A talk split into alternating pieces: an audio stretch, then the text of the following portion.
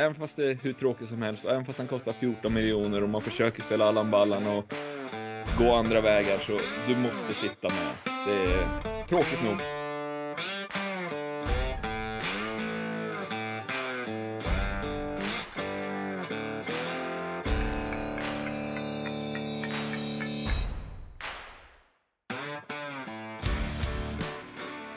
Ja men, då hälsar vi väl alla hjärtligt välkomna till avsnitt fyra i eh, våran podd FPL-tugg med Asa och Aronsson.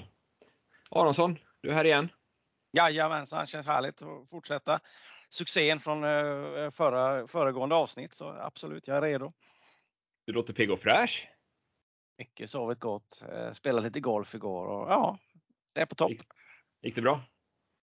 Icket. Det har en formsvacka deluxe nu här men jag hittade driven sent om sidor här sista två, tre hålen så att eh, nu har jag lite high hopes här inför rundan på fredag. Det var ju en retorisk fråga. Jag var ju trots allt med så att jag vet ju exakt hur det gick. Mm.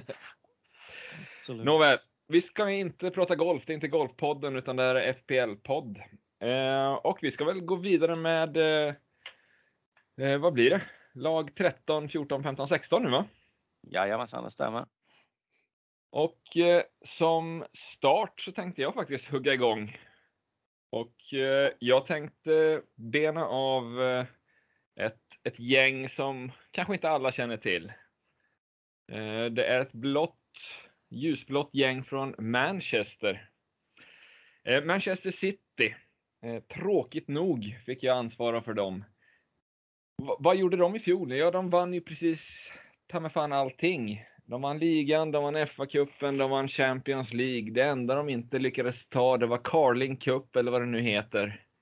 Eh, Ligacupen, där sket de fullständigt i. Eh, de tränas ju av eh, den gode Pep sedan 2016. Och har, jag kollar på statistiken, han ligger just nu på 300 jävla vinster på 413 matcher. Och är man snabb i huvudräkning så ger det alltså en eh, 73% i vinst... Eh, eh, vad heter det? Vinstmarginal, vad säger man? Vinst? Eh, procent. procent. Och det är sinnessjukt mycket. Eh, han kör ju en 4-2-3-1 men siffror i Peps huvud är något helt annat än vad det visar på plan. Eh, och han experimenterar något fruktansvärt Eh, har ju någon form av 3-2-4-1 i anfall. Eh, och vi kommer väl in på det lite senare, för det gör rent FPL-mässigt lite intressant, skulle jag säga. Och nu säger jag intressant. Ni som har lyssnat på podden tidigare, de tidigare avsnitten, så vet att jag säger intressant i alla jävla avsnitt. Och det har... Jag ska försöka att hålla mig ifrån ordet intressant. Utveckla det. Nya spelare för i år. Matteo Kovacic från Chelsea ett defensivt ankare, en liten spelskicklig eh, kroat va? Om inte jag helt ja, det tror jag om jag inte är ute och cyklar. Mm. Mm. Eh, Joao Cancelo är tillbaka från lån, men han ryktas väl ut igen. Han och Pep kommer väl inte helt överens. Eh, han ryktas väl eh, att gå till Barcelona om de får ihop ekonomin där. Eh, där de däremot har tappat, eh, det är ju Riyad Mahrez. Han går ju till Gulfen. Eh, Ilkay Gündogan, i mitt tycke ligans kanske roligaste spelare att titta på. Går ju till Barca, eller har gått till Barca. Skadad nu tyvärr. Och sen har vi tappat också Benjamin Mendy, men han har gått till fängelset. Eh, hade, hade han inte ett frikort? Ja, han, han, han hade nog sån här get out of jail free card. Eh, men vi får väl se. Man hoppas väl att det dras in. Det som då ryktas in, eh, Mm, vi utgår ju lite grann från den truppen som är befintlig, men det här är intressant. Eh, vi behöver prata om vilka som ska ryktas in också. På det kontot så ligger ju Josko Guardiol från Leipzig. Eh, han är ju inte klar, eh, men han ryktas eh, bli klar inom hyfsad eh, när, närtid. Eh, Guardiol är ju eh, en, en, han är ju en sån spelare som är, är, så pass bra att till och med en, ett redan bra lag blir ännu bättre. Så som Liverpool-supporter eller kanske försvarare av ligan så är det skittungt om de skulle få in honom också. Då blir de oerhört bra. Det som också kan hittas på eh, eventuellt eh, inkontot är Michael Olise från Crystal Palace. Eh, har du någonting att säga Per? Nej. Eh, jag skulle tro att Olise i så fall skulle vara en eh, lätt ersättare till Mares. Det är ju ingen som går in och kanske gör en startelva mycket, mycket bättre, men breddar truppen och ja, precis som egentligen vilken annan spelare som helst som kommer in i Citys trupp eh, kommer kunna göra ett jobb. De är så pass överlägsna. Eh, så att eh, Michael Olysek skulle säkert kunna vara spännande att se i Citys, vad heter det, 11. På ryktet ut, jag valde att ta med det också, så är det ju Bernardo Silva som ligger på det kontot. Det är ju en Favorit, eh, inte en superbra eh, fantasy-spelare på så sätt, men han gör ju oerhört mycket nytta eh, och skulle försvaga laget rätt markant. Varför jag valde att ta med Bernardo Silva på ryktet ut, det är ju att om han försvinner så öppnar det dörren för andra spelare som är lite mer intressanta ur ett FPL-perspektiv. Vi kommer till det sen på budgetspelare. Försäsongen, eh, de har inte spelat speciellt mycket. Två vinster, Yokohama och Bayern München. Eh, och nu senast så förlorade de eh, uddamålet 2-1 tror jag mot Atletico Madrid. De hinner inte spela så mycket. De spelar Community Shield nu till helgen mot Arsenal. Bästa målskytt i fjol? Per, vem kan det ha varit? Ja, det är en svår fråga här. Jag vet inte. Jag hoppas att eh, jag faktiskt kan denna och eh, jag chockar alla och drämmer till med Håland. Ja, och då gissar du naturligtvis på Alf Inge. Precis. Eh, Erling Haaland 36 mål, sinnessjukt eh, bra. Det, och det innebär ju också att det givna valet, det, det går inte att säga något annat. Att man måste sitta med Erling Haaland i laget. Han ägs ju till 86 procent. Eh, och i mina drafts så har jag väl funderat på, kan man bygga en draft utan Erling Haaland? Och svaret är ju nej, det går inte. Man måste ha Erling Haaland. Även hur mycket Allan Ballan man vill spela. Eh, men du, för, du förlorar alldeles för mycket poäng när Erling Haaland gör mål och med 36 mål förra året så kommer killen göra mål även i år. Så att även, hur, även fast det är hur tråkigt som helst, även fast han kostar 14 miljoner och man försöker spela Allan Ballan och gå andra vägar så du måste sitta med han. Det är tråkigt nog. Eh, tittar man på, däremot på budgetalternativen Eh, så är det ju så att City kanske inte är det laget där man ska leta budgetalternativ. Det finns inga budgetalternativ. Eh, däremot så finns det lite roliga chansningar man skulle kunna göra. Vi känner ju till pepproletten från tidigare år. Eh, han blandar och ger. Eh, man tror sig ha hittat en startspelare och så helt plötsligt så eh, blandar han kortleken och så kommer det ut en helt ny startelva. Men sett till eventuella potentiella poäng som man kan plocka i det här laget så skulle jag ändå säga att Julian Alvarez till 6,5 miljoner är ett sånt kul alternativ, en kul chansning. Eh, han har haft nu, eh, jag tror han är inne på sin tredje säsong va? Han kom väl i slutet av 21, 22 skulle jag tro. Ja, det kan vara något sånt. Ja. Eh, har ju fått nu eh, chanser och har tagit dem. Nu har han ju naturligtvis på sin primära position Erling Haaland att brottas med. Men jag tror att han även kan använda sitt tvåmananfall eller som en släpande eh, anfallare bakom Haaland. Och han har gjort det bra i egentligen båda lägena. Eh, men som sagt, det, det, är en chansning och jag tror att man bara egentligen ska ta den chansningen man vet att Haaland kommer att vilas. Eller är skadad eller dras med någonting. Då är Julian Alvarez ett jättebra alternativ. Eh, det finns två andra spelare som jag också ska nämna. Återigen, jag, disclaimer här, det är inga budgetalternativ utan det är spelare som eh, kanske är billigare än vad man faktiskt trodde att de skulle vara. Eh, den första är John Stones. Eh, och varför jag har med honom, det är just det här med Peps val av spelsätt. Eh, han går ju som mittback egentligen, men eh, blir ju den spelare som kliver upp tillsammans med Rodri på mittfältet och får någon form av box-to-box alternativ. Han kommer i alla fall högre upp i banan och har ju faktiskt tendenser att ta steget upp.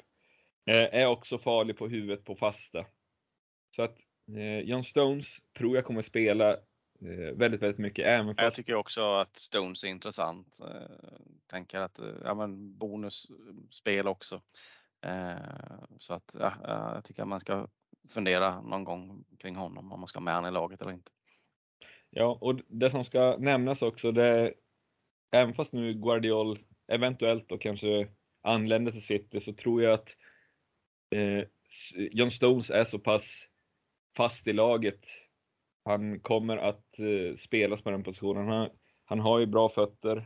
Ni som har lyssnat på Erik Nivas podd, han nämnde ju att John Stones är den bästa, eh, bästa engelska försvararen, eller vad sa han? Han har bäst fötter någonsin bland engelska försvarare. Det säger vi kanske inte så jättemycket då det är träben överallt i engelska lagen. Men han, han har någonting.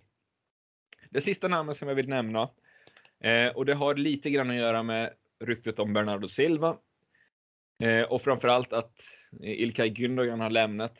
Det är Phil Foden eh, som då till 7,5 miljoner är ett alternativ som jag tycker man ska ha i åtanke. Han spelade ju, han gjorde 22 starter i fjol eh, och på de 22 starterna så gjorde han trots att 11 plus 7 och skrapade, skrapade ihop 142 poäng. Eh, och återigen, är man villig att ge sig in i pepproletten och tycker att ja, vi, vi ger den en chans, så tycker jag att eh, Phil Foden är ett alternativ att ha i åtanke. Han brottas ju med alla andra spelare eh, i den kategori, eller priskategorin. Men eh, jag tycker att eh, har man möjlighet och törs chansa så, så ska Phil Foden absolut vara med i ens kalkyler. Jag har Ake också som eh, ett alternativ där. Jag tycker att han är intressant. Och jag har sett, läst runt lite på olika sidor och sånt där och ja, han rekommenderas på, på många håll. Ja, eh, jag hade Nathan Ake också med i, i mina tankar. Eh, men jag valde egentligen bort honom av den orsaken, Guardiol. Mm. De är ju, eller han är ju just nu där tack vare att han är vänsterfotad. Eh, och kan då kliva in när de bygger sin trebackslinje som eh, ett mittbacksalternativ med vänsterfot. Och jag tror att skulle nu Guardiol komma som besitter de förmågorna så kommer Ake få kliva åt sidan. Så att, men absolut, fram till dess så är han absolut ett alternativ. Han kostar väl, är det 5 miljoner han kostar i spelet tror jag? Ja, jag tror jag stämmer. Ja. Jag tror Stones 5,5 och Ake 5. Ja. Har du någonting att fylla i om City Per? Nej, jag tyckte om din analys på Foden där också. Han är med på mina listor som en spelare som kanske får lite större ansvar i år. Med Gündogan och, sådär. Så att, och kanske också vet han Silva. Visst var det så vi sa? Jo.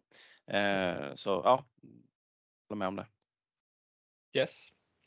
Då tror jag vi lämnar dem. Det finns kanske inte så mycket mer att nämna. Eh, det är ett lag. Eh, har man pengar så kan man chansa. Man måste ha Håland. Det är det vi tar med oss. Vi går vidare. Per, vad får vi lyssna till? Ja, Fulham. Spännande. Då kör det. Ja, hörde du att det kastades ner ett mynt från Fulham-klacken i förra matchen? Nej. Nej. Polisen utreder om det var en våldshandling riktad mot motståndarna eller om det var ett seriöst bud för att bli majoritetsägare i klubben.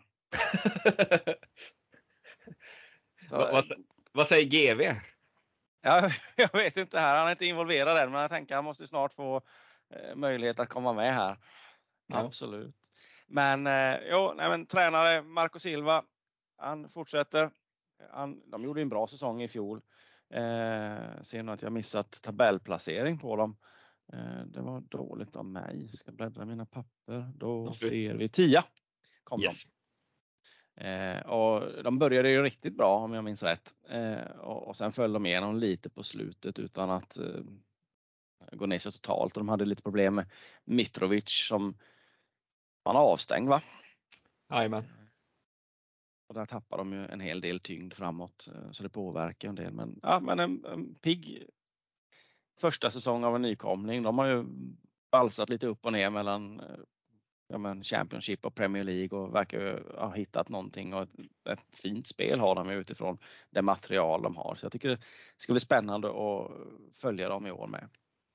Jag tror att de ja, kanske kan landa på en liknande placering som i fjol om de får ihop det. Eh, de har värvat in Bassey från Ajax, en mittback. Eh, och sen så har de också värvat in Jiménez från Wolves. Eh, och det kan vara bra att ha någon extra gubbe där tillsammans med Mitro där uppe på toppen. Eh, och så får de alternera däremellan. Ut, de har tappat Kursawa till PSG, jag tror det var ett lån.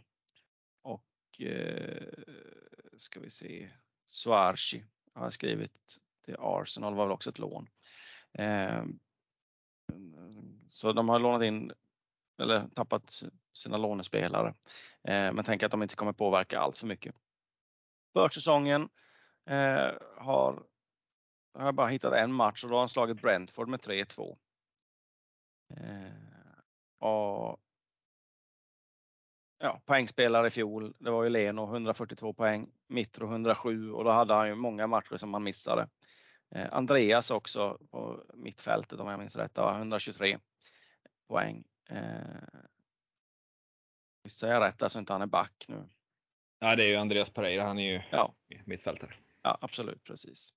Eh, ja, och det är de som sticker ut i spelet där. Eh, och givna valet, jag menar, skulle jag säga antingen Mitro eller Leno. Eh, eller så om man ska titta på någon. Mitro kommer gissningsvis fortsätta. Han är tung på huvudet och de har ju mycket tryck in i boxen och kör en hel del inlägg och ja, då är han där. Han är oerhört tung att brottas med även för de större lagen. Eh, budget så tycker jag Andreas är lite intressant och Leno tycker jag är intressant utifrån pris. Att det kan vara en keeper som kommer förstå.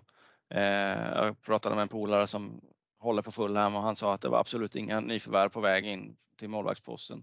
Utan ja, Leno hyllas i Fulham-kretsar och eh, mm, så han får nog fortsatt förtroende. Men visst, det kan vara någon, jag pratade igår också om att det fanns någon keeper som har ryktats in på till Fulham så det kan vara värt att ögonen öppna innan liksom, premiären så att man vet att det är Leno som står. Men han tycker jag är helt klart intressant. Eh, jag har inte så mycket mer kring Fulham faktiskt. Nej, alltså jag tänkte bara fylla i. Eh, det, det du nämner är ju absolut det är de mest givna. Eh, Mitrovic är ju en sån spelare som eh, just nu kanske då ligger på lite för låg ägandeprocent. Visserligen, han kostar 7,5 i år. Han kostade ju 6, vi ska dubbelkolla. Eh, så jag inte säger fel här. Han kostade, han startade på 6,5 i fjol, vilket gjorde att han hade mycket, mycket enklare att hitta in i olika lag. Nu är det kanske svårare eh, med sin eh, nya eh, prissättning på 7,5 att faktiskt göra plats. Han får ju nästan räknas som en, en, en han är ingen premiumspelare, men han är fortfarande för, för dyr kanske för att kunna placeras in i, i det facket eh, att ha som en extra spelare. Eh, men jag tänker spelare som eh, man kanske bör ha med i åtanke just när Mitrovic spelar och du nämnde eh, att Eh, Mitrovic främsta styrka är huvudspelet, är ju ett jävla monster där. Och har man det i åtanke och tänker att ja, men Fulham kommer nog ändå göra en bra säsong, utöver då Andreas Pereira som dels tar frisparkar, dels tar eh, eh, hörner och fasta och sådana grejer.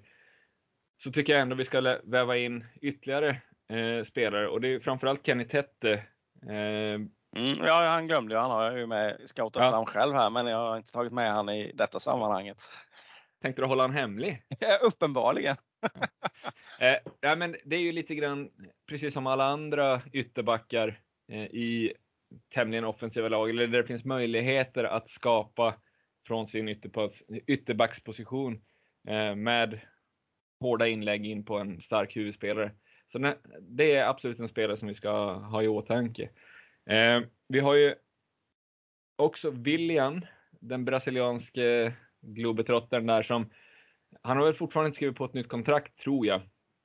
Men eh, i frånvaron av eh, Mitrovic i fjol så klev han fram, även fast inte på samma position, men han klev ju fram som en riktig jäkla talisman eh, och gjorde rätt mycket poäng. Han slutade på 116 poäng och är fortfarande då bara, eh, vad heter det, prissatt till 5,5 miljoner. Återigen, vi har sagt det förut, eh, mittfältet kanske inte är en sån position där man ska hålla på och lägga massa budgetspelare i, utan man kanske ska försöka hitta det på något annat ställe. Men jag tycker både Andreas och William, skulle man nu välja det alternativet att ha en budgetspelare så är det faktiskt två bra alternativ. Absolut. Känner vi oss färdiga med? Ja, men jag tror att vi är redo för nästa lag att höra här nu. Vad har du nu på agendan då? Ja, jag tänkte ge mig på ytterligare ett lag som eh, har fått nyfunna pengar i börsen. Eh, och det är Newcastle. Som, oj, oj, oj. Äntligen, som vi har väntat. ja, en del av oss. eh, Newcastle, som du och många andra känner till, slutade på fjärde plats i fjol, vilket då innebär att till hösten ska de spela Champions League. Eh, de styrs ju utav Eddie Howe. Eh, jag tycker det är en av ligans absolut mest spännande managers. Eh, har ett kul sätt att spela fotboll på och just med det materialet han nu besitter så tycker jag det ser ännu mer intressant ut. På pluskontot inför säsongen så hittar vi Sandro Tonali från Milan, defensivt ankare, och eh, Harvey Barnes från Leicester. Båda värvar för ganska stora pengar. Eh, sen är det frågan, eh, är det pengar som bara slängs lite grann i sjön? Eh, jag kommer komma till det sen, men Sandro Tonali kommer förmodligen i alla fall användas eh, på ett vettigt sätt och kommer att spela ganska mycket, men han kommer ju ha en undanskymd roll ur ett FPL-perspektiv. Harvey Barnes är ju mer intressant på så sätt, men vi kommer till det. Ut så tappar de eh, den lille trollgubben eh, Saint Maximan som också går till Gulfen. Och Chris Wood, inte lika mycket trollkonstnär som Maximan, som då gick till Forest. De har gått ganska bra på försäsongen. De spelar fem matcher hittills. Eh, vin tre vinster mot Gateshead, Rangers och Brighton. Och de har kryssat mot eh, Villa och Chelsea. Eh, I fjol så eh, trots Alexander Isaks, eh, vad heter det, intåg så var det Callum Wilson som slutade som vinnare skytteligavinnare i laget på 18 mål.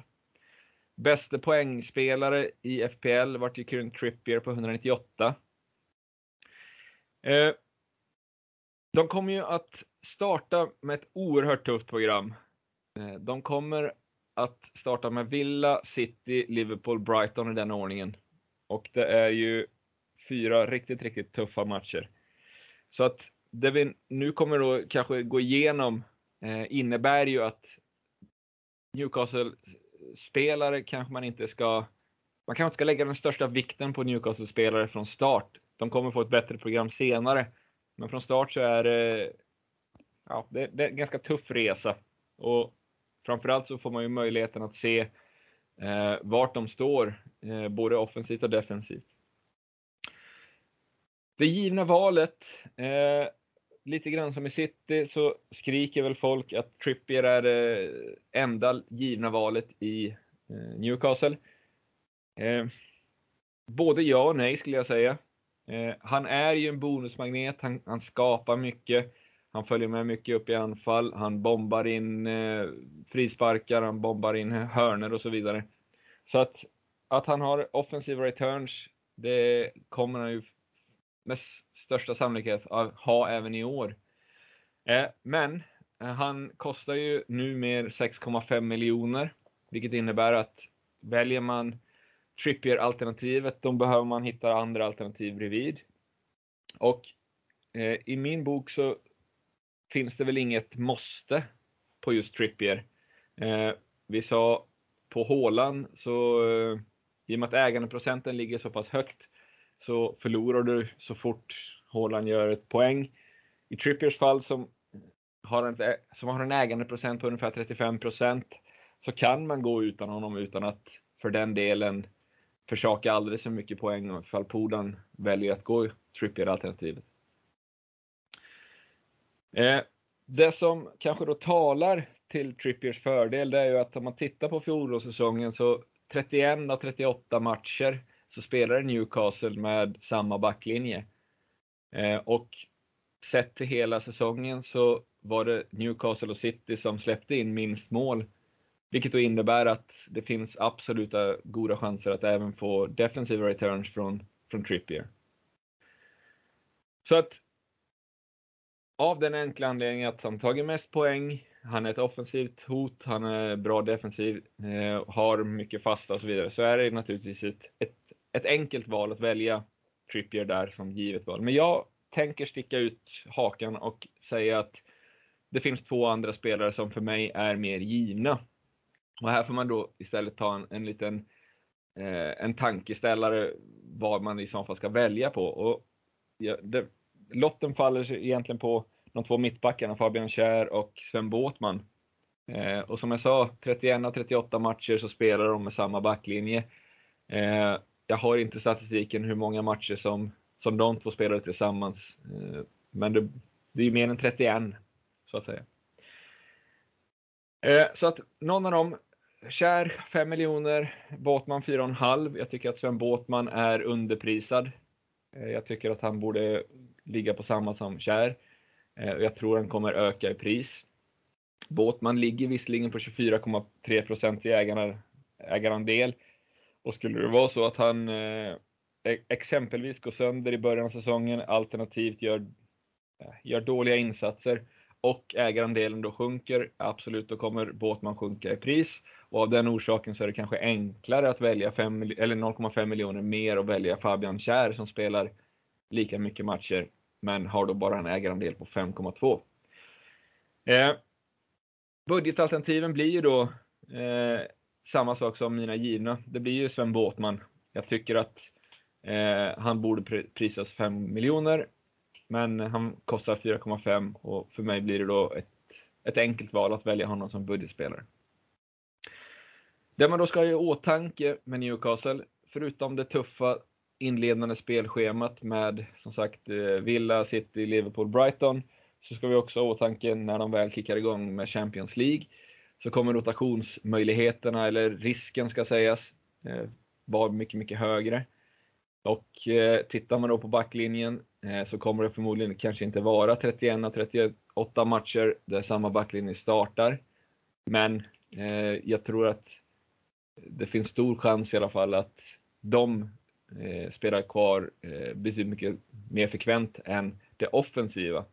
För tittar vi nu när Harvey Barnes intåg med en utgång från vänsterytter. Vi har Almiron, vi har Isak, vi har Callum Wilson, vi har Joe Linton som kan kliva upp. Vi har, eh, vad har vi med? Joe Willock.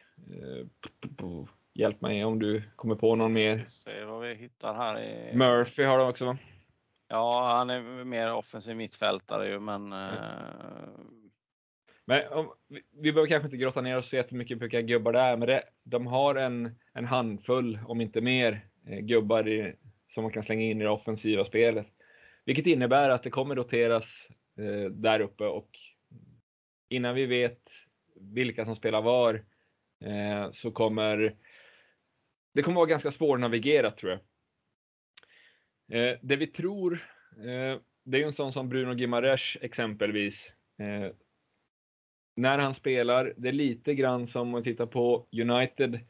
När Bruno spelar där och har en offensiv roll så kommer bollarna gå därigenom. Samma sak gäller ju med eh, Newcastle. När Bruno Gimares spelar så går bollarna därifrån och han levererar vidare som en länkspelare. Så att den är intressant. Jag har Bruno som en av mina ja, men på listan där över intressanta spelare som jag följer lite extra. Eh, tycker han har gjort det riktigt bra sedan han kom till Newcastle. Nu var han lite skadad i fjol också som gör att poängen kanske inte sticker ut lika mycket som han hade kunnat få annars. Eh, också gigantens favorit och bara det är ju värt att nämna och eh, är ju därför värt att ja, men verkligen ha under luppen tänker jag och eh, jag tycker att han är högintressant.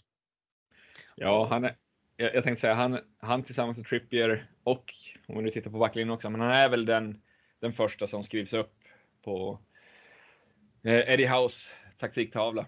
Jag mm. tror att han är så fruktansvärt given när han är, när han är frisk. Sen tycker det... jag det ska bli intressant att följa Newcastle i år utifrån att ja, men de äntligen är med i Champions League igen och eh, det var ju Ashleys analys innan att de minsann inte ska gå ut i Europa någonsin eh, för att eh, då riskerar de att åka ur. De kan inte kriga på två fronter samtidigt utan de skulle ju bara köpa spelare billigt och sälja lite dyrare.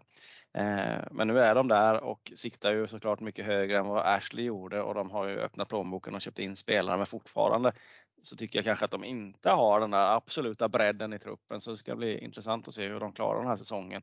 Och de spelar ju inte heller riktigt den fotbollen eh, med oerhört mycket possession. Även om de spelar en, eh, en bra fotboll så har de mycket fart i den.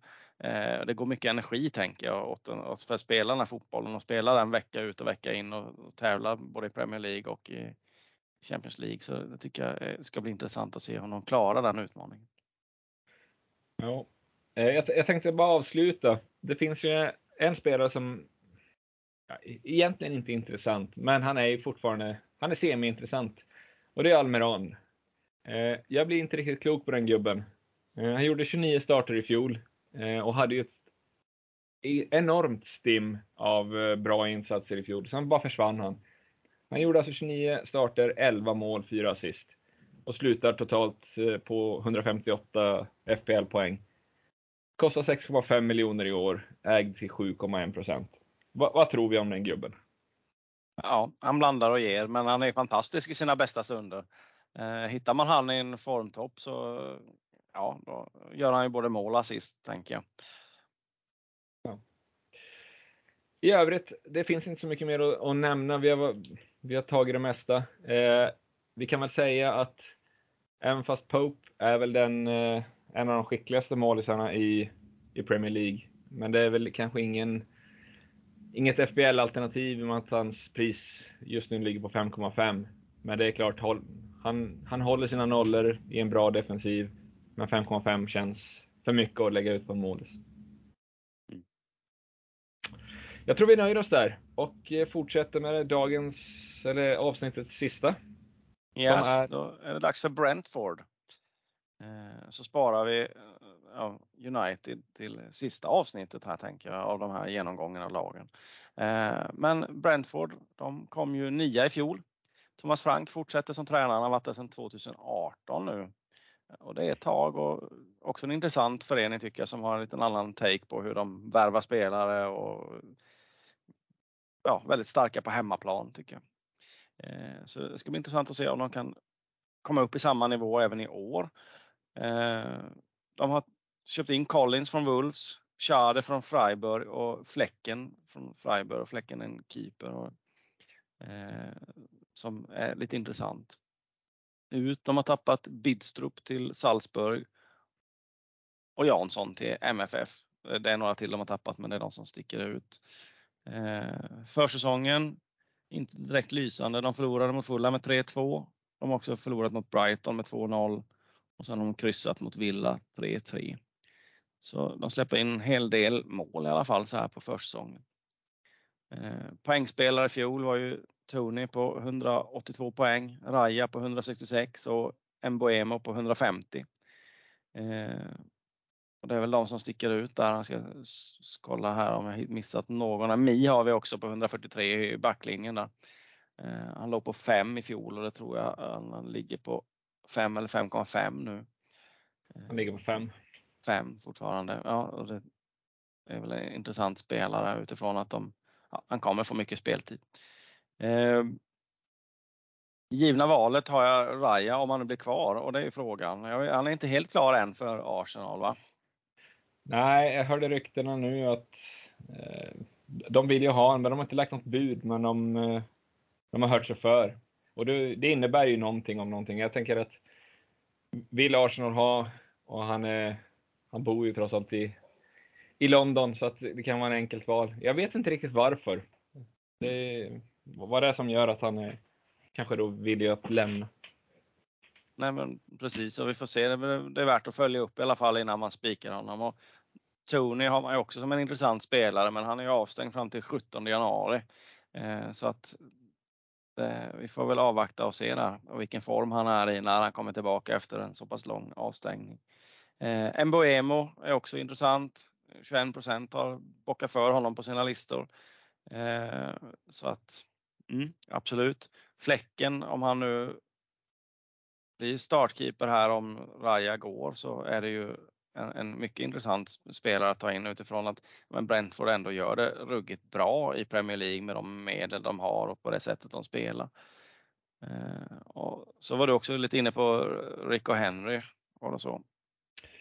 Eh, ja, alltså det här är ett lag som man, man vet rätt lite om. Men det man vet i alla fall, det är ju defensiv styrka eh, och återigen, vi pratade om det tidigare, har man eh, ytterbackar som kliver upp i banan så är de alltid intressanta. Och Rico Henry är ju en sån som, som spelar många minuter och eh, följer med upp i anfall. Eh, han hade väl kanske ingen dundersäsong i fjol, hade ju bara tre assist. Eh, men han, han startade trots allt 37 matcher och eh, på de 37 så hade de 11 hållna nollor. Och det, det ger ju trots allt eh, ganska bra avkastning för sina 4,5 miljoner. Mm, absolut. Uh, ja, vad har vi mer där att gå på egentligen? Uh, jag har inte så många mer spelare där. Det är Schade som inte så många har kryssat för, men jag vet inte, jag har inte någon jättefeeling där. Har du något där Adde? Uh, ja, men jag tittade lite grann på försäsongen på just Kevin Schade och han har väl klivit upp. Han står ju som, han står som mittfältare i spelet men har haft rollen som eh, nia i någon match, någon eller några, jag törs inte svara på hur många. Eh, och det är klart, eh, får man en out of position-spelare som man kan sätta upp, det är absolut intressant. Mm. Men annars är det väl så, du nämnde att Tony är avstängd fram till januari. Och det är någon som ska ta den här nummer 9-rollen. Om det då är Kevin Schade eller om det är en Boemo eller kanske Johan Vissa. Så är alla tre eh, intressanta. Och jag tänker ju just i Vissas fall, eh, för att inte plocka bort en mittfältsplats, eh, så skulle man kanske våga chansa på, på honom eh, som ett billigt forwardsalternativ till 6 miljoner. Om det nu är han som kommer spela, det vet vi ju inte. Annars kan man ju ta, vi har ju haft Tony som har tagit alla straffar. Eh, där kommer väl en Boemo kliva fram, eh, vilket innebär att eh, jag tänkte säga säkra poäng, det är det inte, men eh, chansen till fler eh, offensiva returns är ju större med en, eh, med en straffskytt. Och om man då dessutom är listad som en mittfältare så är det klart, då finns det, det finns intressanta poäng att hämta. Men innan vi vet om, om de kliver upp som eh, nior eller om de ligger kvar som yttermittfält, då, ja, jag håller kanske lite grann i mina Eh, mina val där. Jag tycker däremot någonting som är intressant som de kanske inte har nämnt. Eh, de har ju ett intressant spelschema. Eh, de startar med Spurs och Spurs är Spurs. Med eller utan Kane så är de ju fortfarande ett ja, mediokert gäng. Men de kliver vidare på Fulham, Palace, Bournemouth innan de har Newcastle. Sen går de vidare på Everton och Forest. Så egentligen om man tittar på första 11 matcherna så har vi åtminstone 6-7 matcher där de är, eh, jag tror de ska vara klara favoriter. Eh, och det innebär ju att vill man ta en chansning, eh, framförallt då kanske hitta defensiva spelare i det här laget, så är det väl från start man ska göra och ta chansningen. Och då, du varit inne på dem Ben Mee och Rico Henry och Pinnock och, och gänget där. Mm. Ja, absolut. Det, ja, det är en intressant start de har där som du säger. Den var jag inte riktigt, hade jag inte koll på. Så ja, det låter lite smygintressant att se. Ja, man ska kolla igenom truppen en sväng till här. Man har ju lite tid på sig. Ja. Och jag kan väl, eh, jag kan väl outa att just nu så sitter eh, fläcken i mitt lag. Ja, jag har, Mi har jag trollat in faktiskt. Ja. Mm. Men som sagt, det hinner hända många, många drafts innan det, det är klart. Så är det, så är det. Ja. Det var väl genomgången för eh, lag 13 till 16. Då har vi egentligen bara en kvar va? Jajamensan. Och den eh, kommer väl spelas in och läggas ut inom kort när du hör det hetta. Eh, vi kan väl fylla i lite grann. Vi, vi nämnde det i av, avsnitt två om våran plan med eh, vårat poddlag. Vi kommer väl, eh, jag har inte pratat det här med dig Per, men vi, det är väl klokt Spännande. ja, men det är väl klokt att vi kanske kör en, eh, en draft eh, i ett eget avsnitt. Och, Absolut. Helt enkelt kanske få diskutera, eller live-diskutera tillsammans om de olika valen, vad vi vill göra. Mm. Så får vi någonting där. Och sen såg vi också på i Facebook-tråden, eh, Anton, om du hör detta. Eh, det kommer vara ditt nya mål för i år, att slå eh, poddlaget. Du har varit klappkass alla tidigare år. Eh, nu har du en chans att vinna över någon. Så att ta den chansen och delta. Och vi kan väl för att avsluta återigen eh, ta en liten eh, boost av ligakoden. Eh, för att vara med i, i ligan. Nu ska vi se, har du bytt kod här? Nej, det är samma kod. Vi har S6GJ0U. Alltså S6GJ0U. Och det är bara att joina. Eh, det enda kravet vi har eh, när vi har bestämt eh, vad priset kommer kosta så kommer vi lägga ut det och vi kommer meddela även här i podden att man har betalat innan säsongen drar igång. Sen är man fullvärdig medlem i Addes FPL-liga.